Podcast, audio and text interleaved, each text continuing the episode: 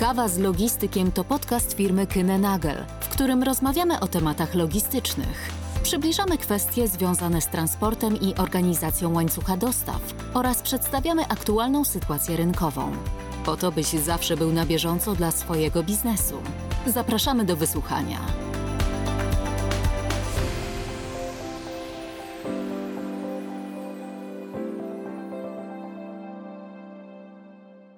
Dzień dobry Państwu. Przed nami kolejny podcast Kawa z Logistykiem.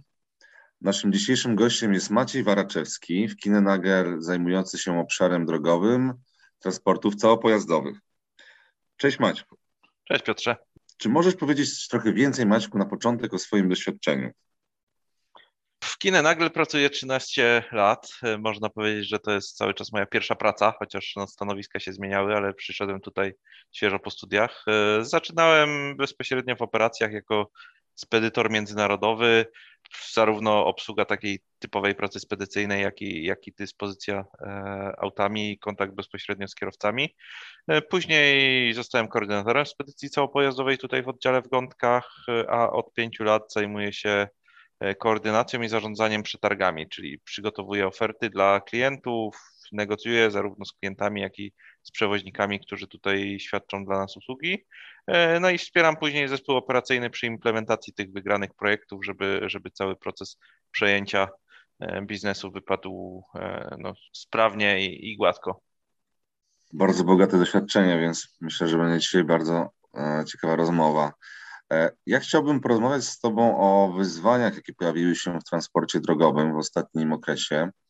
E, ale również o, o szansach na nowe rozwiązanie, e, na nowe rozwiązania, które również się pojawiły. I na początek, Maćku, mówi się, że po ubiegłorocznej pandemii żyjemy w nowej normalności.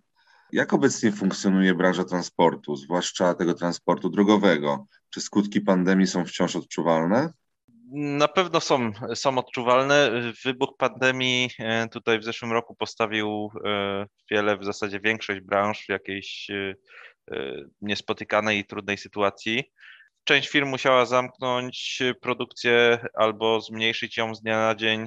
E, w szczególności tutaj drugi kwartał 2020 stał, stał pod znakiem spadku popytu na usługi transportowe. E, nie pomagała w całej sytuacji olbrzymia w tamtym czasie niepewność, bo nikt nie wiedział, jak ta pandemia się rozwinie, jakie będą obostrzenia, na jak długo wprowadzane, e, czy będą szczepionki, kiedy będą i tak dalej, co, co w ogóle przyniesie przyszłość. E, w obliczu tej niepewności przewoźnicy wtedy ograniczyli swoje floty, zrezygnowali z leasingów, które, które gdzieś tam mieli, żeby, żeby te koszty stałe ograniczyć, a, a nie wiadomo, czy będą jakieś tam ładunki do obsłużenia, które, które pozwoliłyby te koszty pokryć, albo rezygnowali też ze złożonych wcześniej zamówień na, na nowe auta i naczepy.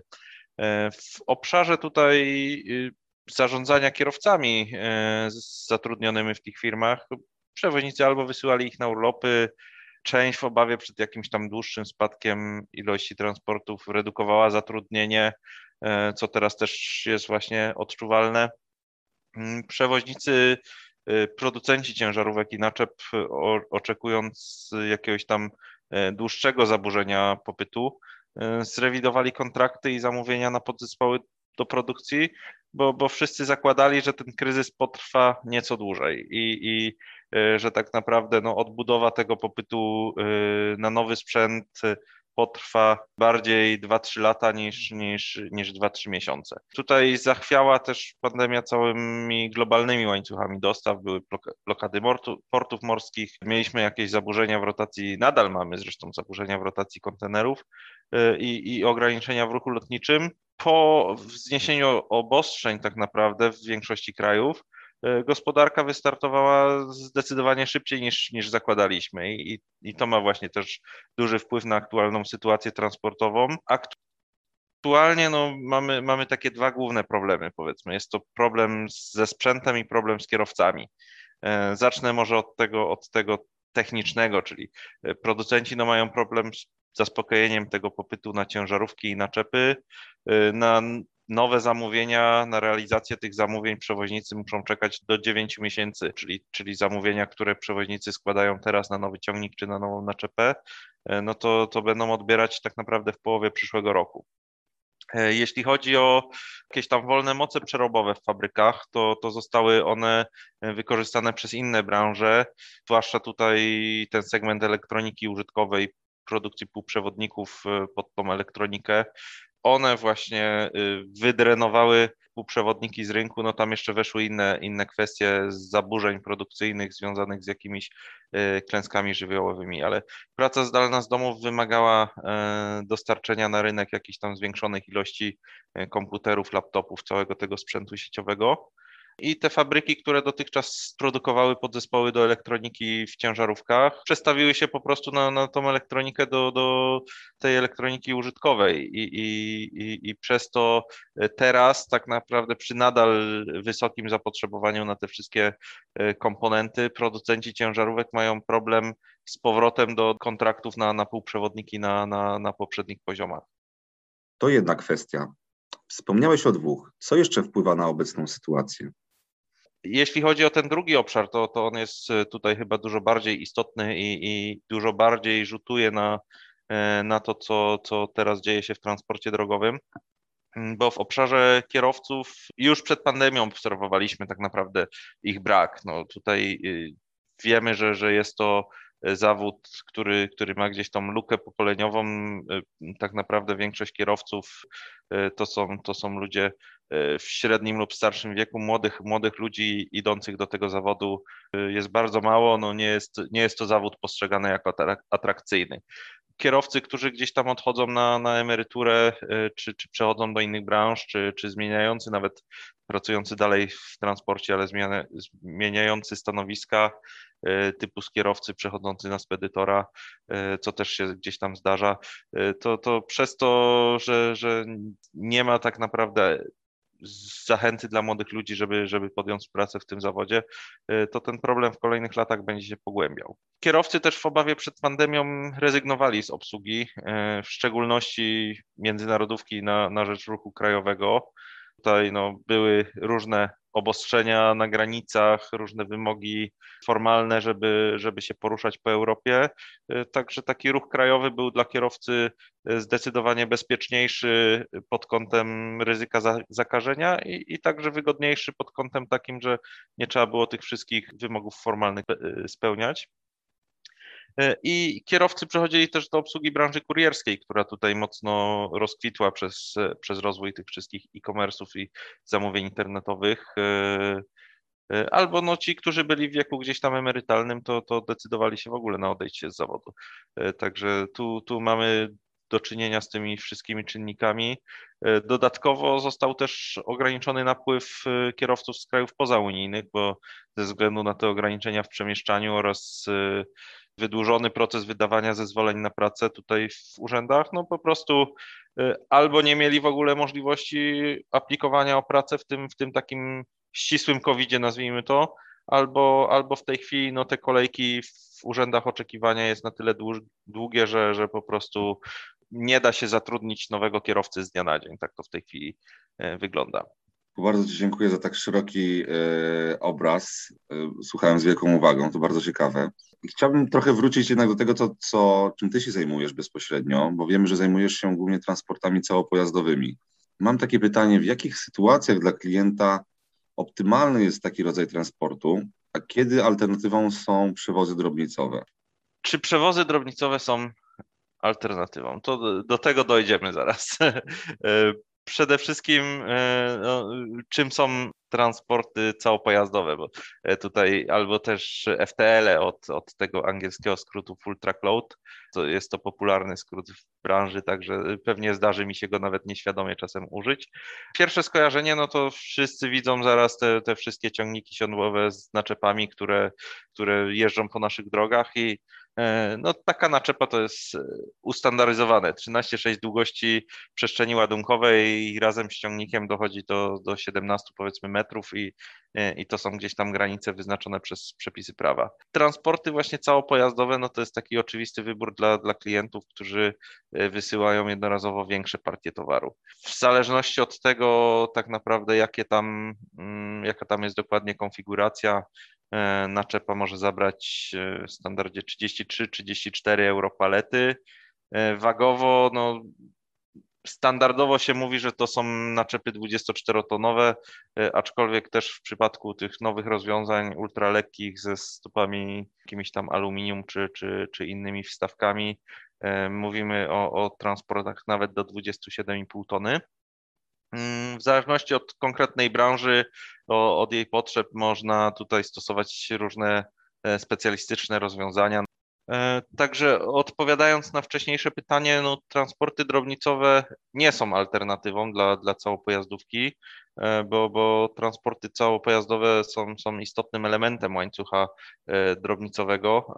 Tutaj często są, są to po prostu transporty aut liniowych pomiędzy magazynami czy, czy hubami przeładunkowymi.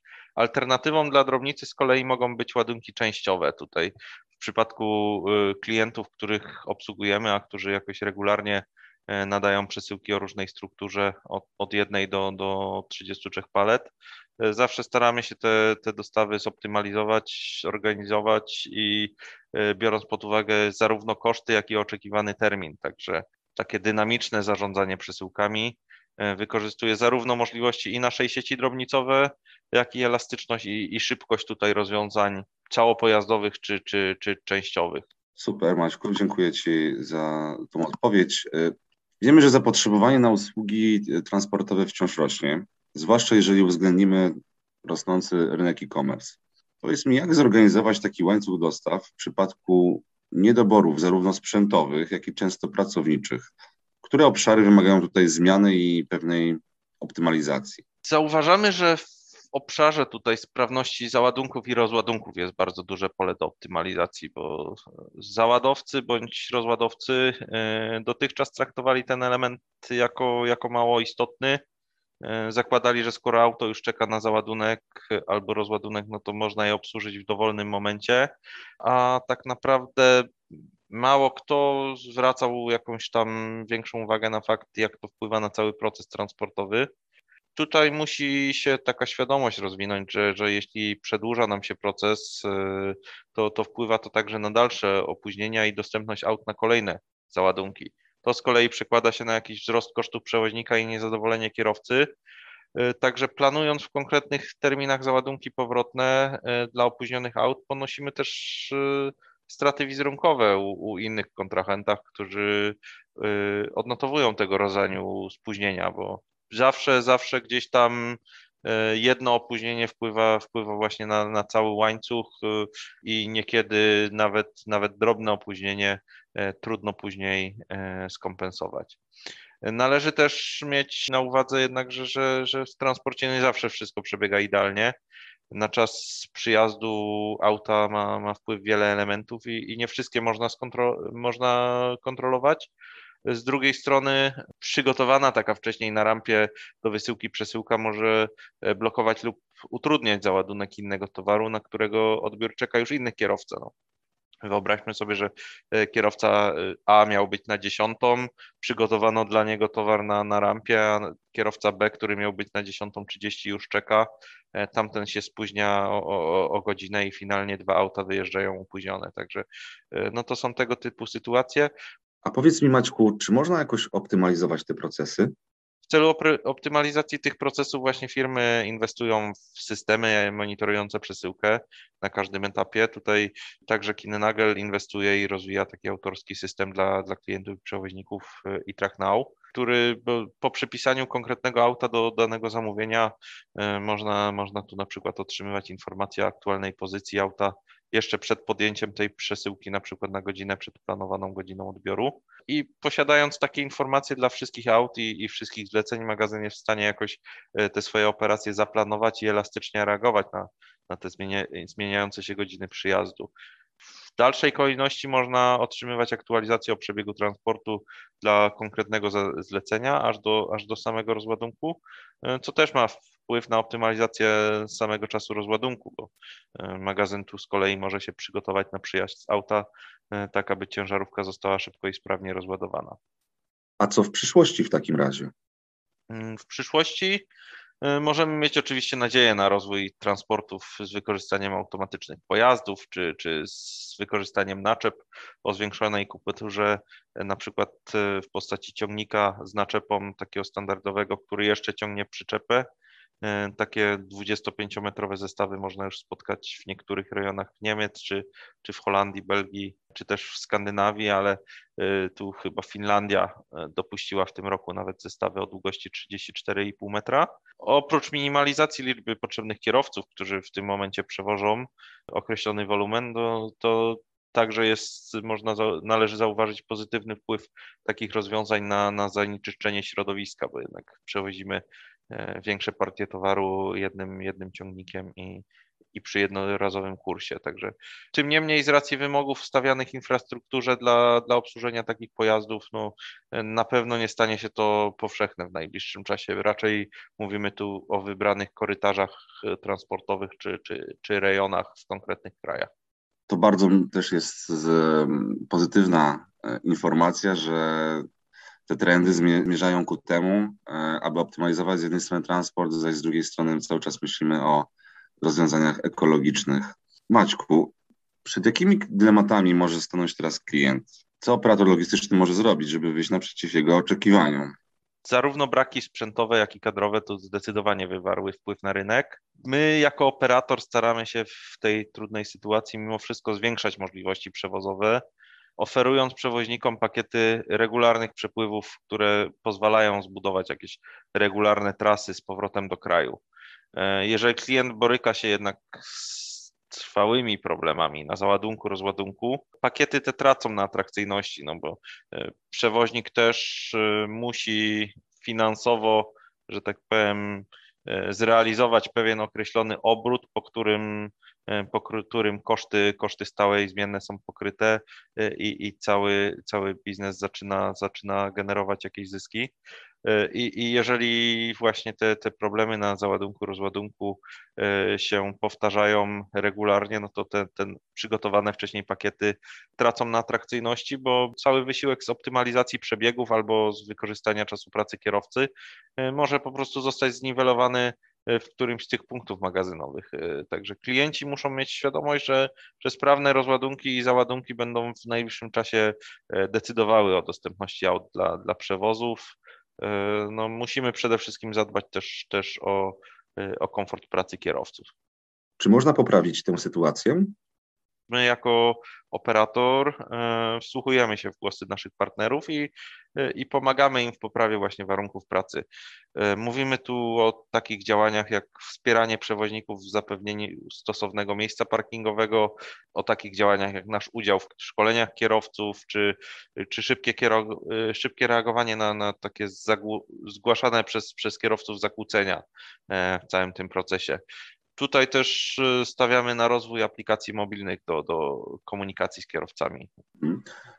Maćku, mówiłeś o dylematach, oczekiwaniach klientów, a teraz z drugiej strony, co będzie największym wyzwaniem e, dla naszych klientów w najbliższym czasie? Co będzie wyzwaniem również dla branży? Tutaj no, można się spodziewać, że rynek, rynek jakoś tam w końcu zareaguje na, na zwiększony zwiększony popyt i, i, producentom ciężarówek uda się w końcu nadrobić te zaległości produkcyjne. Podejrzewam, że będzie to e, najpóźniej do końca przyszłego roku. E, istotnym problemem, na który nie ma szybkiego rozwiązania, no, będzie nadal niedobór kierowców na rynku i, i on w następnych latach może się jeszcze pogłębić. Tutaj brakuje nam tak naprawdę rozwiązań takich typowo systemowych związanych ze, ze szkoleniem kierowców. Też, żeby, żeby może uświadomić, że koszt wszystkich szkoleń i kwalifikacji dla, dla nowego kierowcy to kwota kilkunastu do, do kilkudziesięciu tysięcy złotych. I w wariancie optymistycznym około pół roku czasu. Mówimy tutaj o sytuacji, kiedy kierowca zdaje wszystkie wymagane egzaminy i, i e, licencje za, za pierwszym podejściem, co, co oczywiście wiemy, że, że zdarza się dość rzadko. Także raczej mówimy właśnie o, o kwocie kilkanaście, kilkadziesiąt tysięcy i, i minimum roku czasu my wszyscy musimy się postarać o zmianę wizerunku e, kierowcy, ponieważ no, kierowca w ciężarówki to już nie jest od, od dawna tylko kierowca. Kiedyś wystarczyło prawo jazdy, często gdzieś tam zdobywane w wojsku przy okazji odbywania służby wojskowej, a, a później po prostu wybór drogi zawodowej tak, tak spowodował, że, że ten konkretny e, człowiek został, został kierowcą zawodowym. Obecnie no to są wszystkie dodatkowe szkolenia, żeby, żeby sprostać wymaganiom sytuacji prawnej, całej mechanizacji, digitalizacji, wszystkie wymogi formalne związane z obsługami, z obsługą ładunków, czy to odpadów, czy, czy właśnie ładunków niebezpiecznych. Na wszystko są wymagane zezwolenia i, i, i dodatkowe jakieś procesy prawne, które kierowca w jakiejś formie musi znać. Kolejne wyzwania no, będą się pojawiać na bieżąco, bo rynek jest bardzo dynamiczny i, i podlega ciągłym zmianom. Na, na, przykład w ostatnich dniach otrzymaliśmy też, no, bardziej w ostatnich tygodniach może powinienem powiedzieć, e, otrzymaliśmy informację, że ulgi w opłatach drogowych tutaj przysługujących z tytułu zasilania pojazdów instalacjami gazowymi, e, które miały obowiązywać do końca 2023 e, w Niemczech, zostały cofnięte od, od października. E, dla wszystkich tych ciężarówek, gdzie instalacja gazowa nie była instalowana fabrycznie, czyli e, ci przewoźnicy, którzy, którzy inwestowali w te, w te rozwiązania, e, też chcąc iść duchem czasu i, i bycia bardziej ekologicznym, no, będą musieli dokonać ponownych kalkulacji cen na, na, na liniach, które obsługiwali tymi ciężarówkami. E, kolejnym istotnym wyzwaniem wydają się być zmiany przepisów wprowadzane przez Unię Europejską w postaci pakietu mobilności. Jego poszczególne części są, są rozłożone w czasie na kilka lat, ale docelowo też mogą istotnie zmienić obraz transportu drogowego. Ale zmiany na rynku też rodzą takie wyzwania, które, które niosą ze sobą szanse. Tutaj też Dobrym obrazem są te globalne jednak przepływy i globalne łańcuchy dostaw, e, na przykład zaburzenia w przepływach towarów drogą morską i lotniczą z Chin w okresie pandemii e, pozwoliły nam aktywować transport drogowy na tej relacji. No i właśnie, Macieju, tutaj dochodzimy do y, tematu Chin. I bardzo chciałbym, żebyś powiedział nam o tym coś więcej. Jak wygląda proces organizacji transportu drogowego z Chin? Jakie są tutaj możliwości, jakie są ograniczenia w tym zakresie, bo to jest bardzo ciekawy temat, który się pojawił po, po wielu latach e, jako e, pewna szansa. Tak, no tutaj o różnych formach tego nowego jedwabnego szlaku, zarówno w wariancie kolejowym, jak i, jak i drogowym mówiło się od wielu, wielu lat.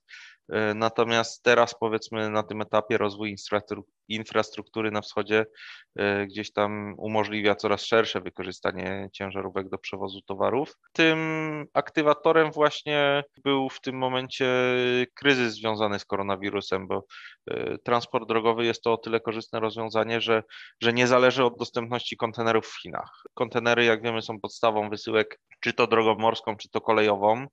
E, no i jedną z głównych połączek tych gałęzi jest właśnie dostęp do, do, do tych kontenerów tam, tam na miejscu w portach. Typowy transport drogowy, no z racji dystansu i uwarunkowań związanych z czasem pracy e, i jazdy kierowców, powinien zająć, tak e, do Polski mówimy, 17 do 19 dni. Oczywiście wszystko tutaj zależy od, od lokalizacji miejsc załadunku i dostawy, bo no, Chiny nie są małym krajem, a też no, nie możemy przekraczać granicy w dowolnym punkcie. E, dla, dla obsługi takiego ruchu ciężarowego są dedykowane miejsca przejścia graniczne, więc, więc tutaj lokalizacja będzie takim głównym czynnikiem, który, który wpłynie na czas dostawy. W teorii można to, ten czas próbować przyspieszyć, stosując podwójne obsady, tak jak e, mamy e, na wielu relacjach takich stałych w Europie. Jednak e, nie jest to szeroko stosowane z racji innych ograniczeń, które wpływają na czas przewozu. E, o czym, o czym też za chwilę powiem. E, jeśli chodzi o naczepy, to tak naprawdę do dyspozycji mamy e, standardową gamę pojazdów i naczep. Te wszystkie, które spotykamy w Europie, czyli no i, i plandeki, i, i sztywne zabudowy, czy chłodnie, także w wariancie tych, wariantach tych wysokich typu mega. Także do dyspozycji mamy te same standardy ze względów ograniczeń w krajach tranzytowych, no to zakładamy, że maksymalna waga towaru do załadunku na naczepy to jest 21,5 tony, czyli troszkę mniej niż u nas, natomiast no, jest to związane z tym, aby, aby nie przekroczyć nacisków na osie. Transportowi towarzyszy standardowa tak naprawdę dokumentacja celna. E, jeśli klient chce, to, to na życzenie możemy też e, zastosować przewóz w ramach konwencji TIR. Tutaj z racji ograniczonej przestrzeni ładunkowej nigdy nie będzie on służył do, do przewozu na tak masową skalę jak statki. No, statek zabiera kilkaset, kilka tysięcy kontenerów e, za jednym zamachem, więc w tym momencie e, musielibyśmy mówić o, o takiej samej flocie pojazdów, żeby, żeby przewieźć e, powiedzmy ten sam wolumen. A jak to jest z trasą, która na pewno naszych słuchaczy bardzo interesuje, bo słyszałem, że jest kilka wariantów. Możesz o nich powiedzieć? Jasne. Jadąc z Chin mamy tak naprawdę dwa warianty. Albo tranzyt przez Kazachstan i dalej Rosję i Białoruś, E, albo jeśli mówimy tutaj o wschodniej części Chin, czyli, czyli gdzieś tam Pekin i, i, i dalej, e, to tak naprawdę możemy też bezpośrednio kierować się na północ do, do Rosji, pominięciem tak jakby Mongolii i, i dalej przez e, Rosję, Białoruś, znów do Polski. W obu przypadkach no, mamy, mamy główny tak jakby problem operacyjny i, i, i czasowy, E, czyli regulacje związane z koronawirusem i kontrolami celnymi e, we wszystkich krajach. W szczególności tu nas dotyczą powiedzmy wytyczne chińskie i rosyjskie. E, jedną z takich regulacji, takich ograniczeń jest ograniczenie wjazdu na teren Chin kierowców z zewnątrz, czyli tu nie mówimy o takim typowym przewozie z A do B, jak, jak mamy na myśli mówiąc o przewozach całopojazdowych po Europie, tylko każdorazowo jadąc z Chin, towar od punktu nadania do, do granicy przewozi chiński przewoźnik.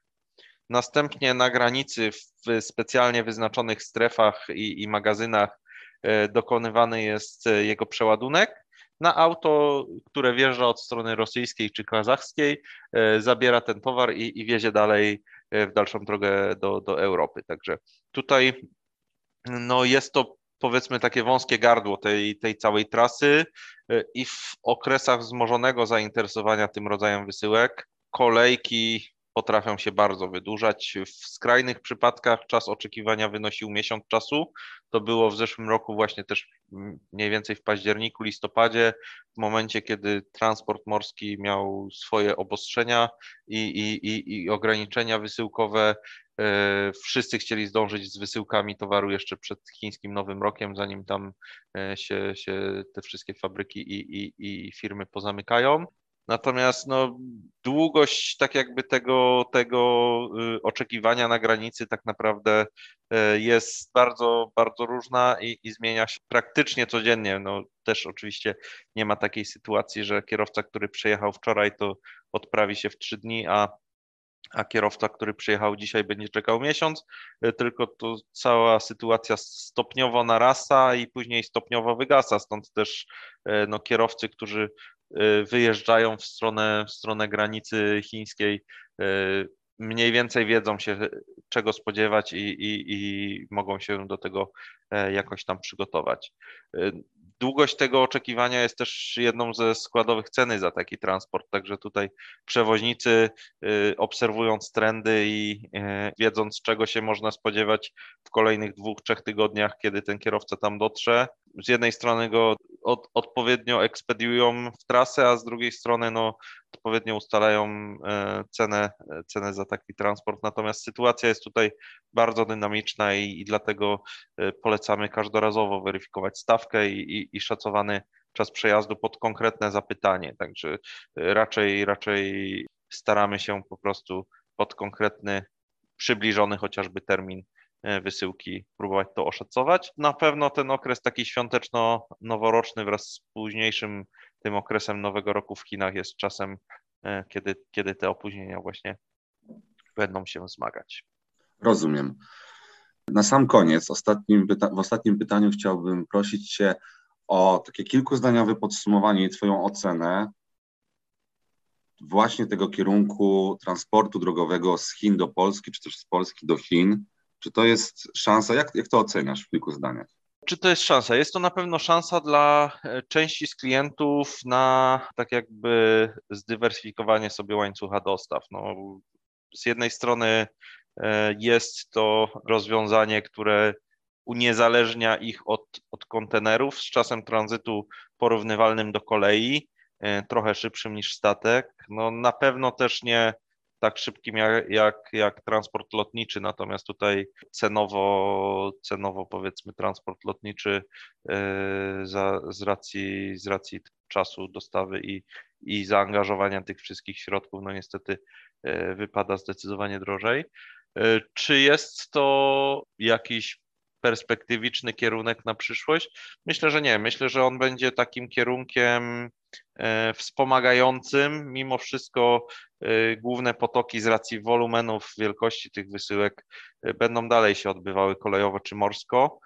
Natomiast na pewno pozwala to gdzieś tam dla, dla towarów strategicznych, przynajmniej jakieś mniejsze partie towaru do, do podtrzymania produkcji sprowadzić w okresach, kiedy, kiedy inne gałęzie są zaburzone. A z drugiej strony, no też trzeba mieć świadomość, że, że jest to, nazwijmy to, nowy rynek. Darzyło mi się już słyszeć o e, przewozie z Malezji do, do Europy, też drogowo, więc e, no kto wie, jak się to wszystko rozwinie. No, wcześniej nikt nie, nie myślał o, o transportach drogowych z racji właśnie tego, że statki czy, czy kolej y, kursowały raczej w miarę niezawodnie. W tej chwili zawsze dobrze mieć gdzieś tam ten y, alternatywny sposób, który nie jest oczywiście pozbawiony wad, bo, wad, bo też y, no, musimy mieć na uwadze, że tutaj różne rzeczy po drodze mogą się wydarzyć i, i ten czas dostawy też może ulec wydłużeniu. Rozumiem. Będziemy tą sytuację obserwować z wielkim zainteresowaniem. Maćku, bardzo dziękuję Ci za dzisiejszą rozmowę. Już upłynął czas myślę, że wszyscy z nas y, dopili swoją kawę na dzisiaj. Także dziękuję bardzo i myślę, że spotkamy się jeszcze w kolejnym podcaście. Dzięki serdecznie również za rozmowę i życzę wszystkim Tobie i wszystkim słuchaczom miłego dnia, popołudnia czy, czy wieczoru, w zależności od tego, kiedy poświęcili na to czas. Tak jest. Dziękuję Maćku, dziękuję Państwu. To był podcast Kawa z Logistykiem. Do usłyszenia w przyszłym odcinku.